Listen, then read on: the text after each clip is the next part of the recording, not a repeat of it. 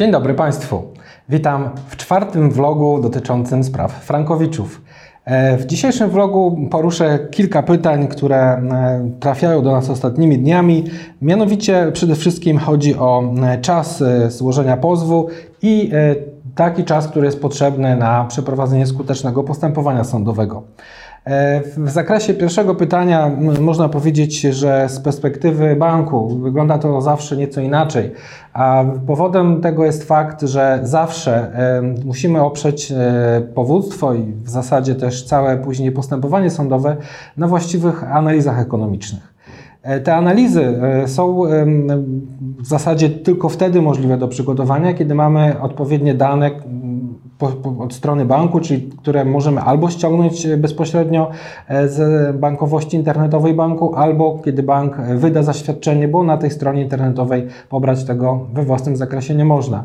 Są różne banki, banki typu Millennium, mBank e, umożliwiają pobranie takich danych z całej historii, inne banki typu Santander, PKO w zależności od kredytu, a znowu są takie typu Getin na przykład, czy też bank e, Deutsche Bank, no takie banki, które w zasadzie już nie funkcjonują online, e, w zasadzie tylko funkcjonują e, powiedzmy jako wirtualne oddziały. No są to banki, które nie posiadają żadnej historii, do tego się również Raiffeisen zalicza i wtedy musimy nieco dłużej poczekać. Średni czas wydania e, dokumentów z banku w ramach takiego zaświadczenia to jest e, miesiąc, sześć tygodni, e, mniej więcej tyle to trwa. Natomiast jeżeli ktoś może pobrać bezpośrednio historię z rachunku, to wtedy w ciągu tygodnia, dwóch już jesteśmy w stanie złożyć pozew, czyli w zasadzie bardzo mocno od sądu będzie zależało, ile później ta sprawa będzie funkcjonowała, jeżeli chodzi o przyjęcie, czyli ile referat będzie potrzebował na przyjęcie wszystkich dokumentów i przesłanie pozwu do banku. Natomiast z naszej perspektywy jest to okres około dwóch tygodni od momentu, kiedy dostaniemy komplet dokumentów do momentu, kiedy złożymy pozew.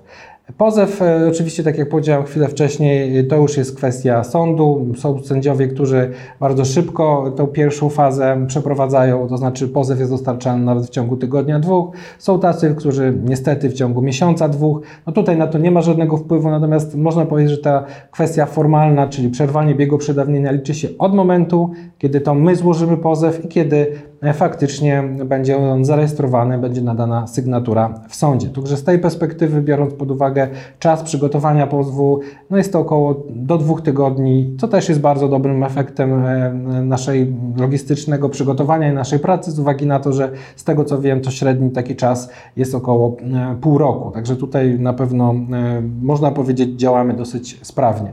Biorąc pod uwagę wszystkie inne okoliczności, które mogą później zaistnieć w drodze postępowania sądowego, to na pewno ten czas jest różny. To znaczy, można powiedzieć, że trwa, sprawy w pierwszej instancji trwają od roku aż nawet do dwóch lat.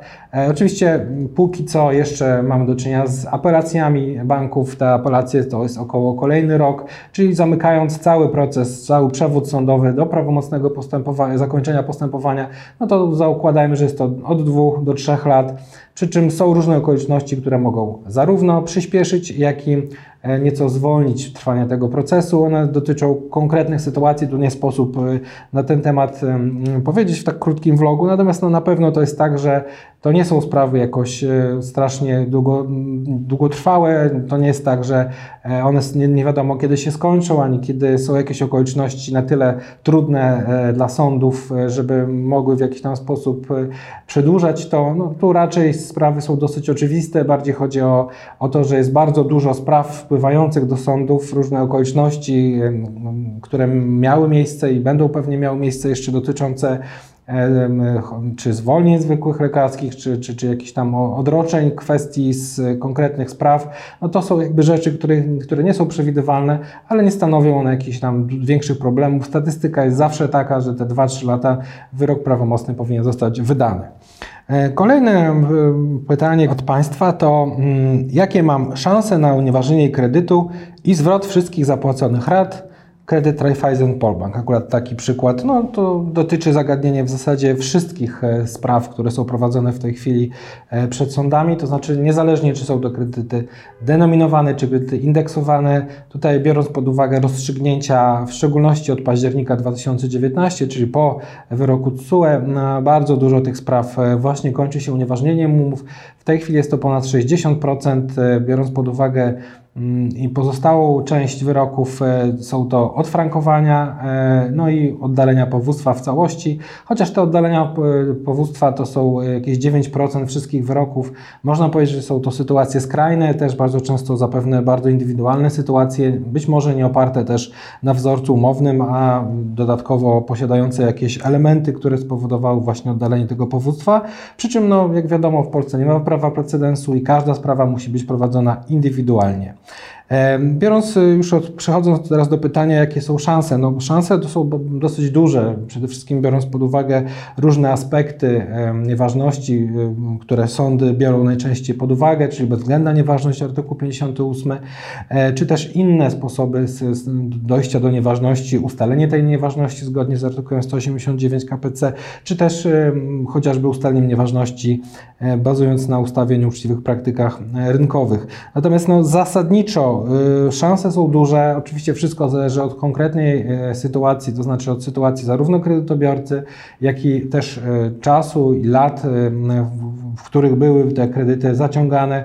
Oczywiście z samego też wzorca umownego, z budowy, konstrukcji tej umowy trzeba pamiętać, że różne banki, chociażby mBank miał na przestrzeni przynajmniej 6 lat, kiedy akcja kredytowa tam funkcjonowała, no, można powiedzieć, że 10 może wzorców różnych umownych. Także tutaj to jest tak, że naprawdę nie ma co konkretnie mówić o banku, bardziej trzeba mówić o jakimś wzorcu umownym wynikającym e, z danego okresu, gdzie obowiązywał w banku. Przy czym wracając już tutaj do mm, tych teorii, które są przy nieważności umowy, czyli trzeba powiedzieć, że podstawowym aspektem, który wiąże się z nieważnością umowy, jest konieczność e, rozliczenia strony. No i to rozliczenie strony oczywiście dochodzi wówczas, kiedy czynność prawna jest nieważna ważna, natomiast y, to, czy y, sąd zastosuje przy tym teorię Salda, czy tak zwaną teorię dwóch kondykcji, no to na chwilę obecną jest jeszcze, można powiedzieć, rzecz do końca niezbadana. Właśnie w związku z tym trafiło zagadnienie prawne do Sądu Najwyższego, który mam nadzieję w tym roku, jeżeli nie to na początku przyszłego, odpowie, jak rozliczać strony, czy jak można powiedzieć, powinny funkcjonować w ogóle finansowe zwroty na rzecz kredytobiorców, czyli zwrot zapłaconych rat z uwagi na e, stwierdzenie nieważności umowy. No tutaj jeszcze raz powiem, czy to Raiffeisen, czy nie Raiffeisen, w zasadzie sytuacja nie dotyczy tyle samego banku, co po prostu okoliczności, które dany sąd e, przyzna. Tutaj jest dosyć duża różnica też na podstawie tego, czy mm, Frankowicz spłacał od jakiegoś momentu e, należność we frankach, czy były to tylko złotówki. Wobec tego też częściowo, no można powiedzieć, te wyroki się nie różnią. Jeżeli ktoś spłacał bardzo dużo franków. Wobec tego najczęściej, nawet przy teorii salda, te franki są przedmiotem również zwrotu, niezależnie od tego, czy sąd zastosuje teorię salda, czy dwóch kondykcji. Także e, zwroty wszystkich zapłaconych rat, e, kwestia do ustalenia jeszcze poprzez odpowiedź na zagadnienie prawne Sądu Najwyższego i później decyzji e, poszczególnych sądów niezawisłych i które wydają te prawomocne wyroki. Natomiast no, generalnie odpowiadając na wprost, szanse są i moim zdaniem one są dosyć duże. Także dziękuję serdecznie i zapraszam do kolejnego vloga.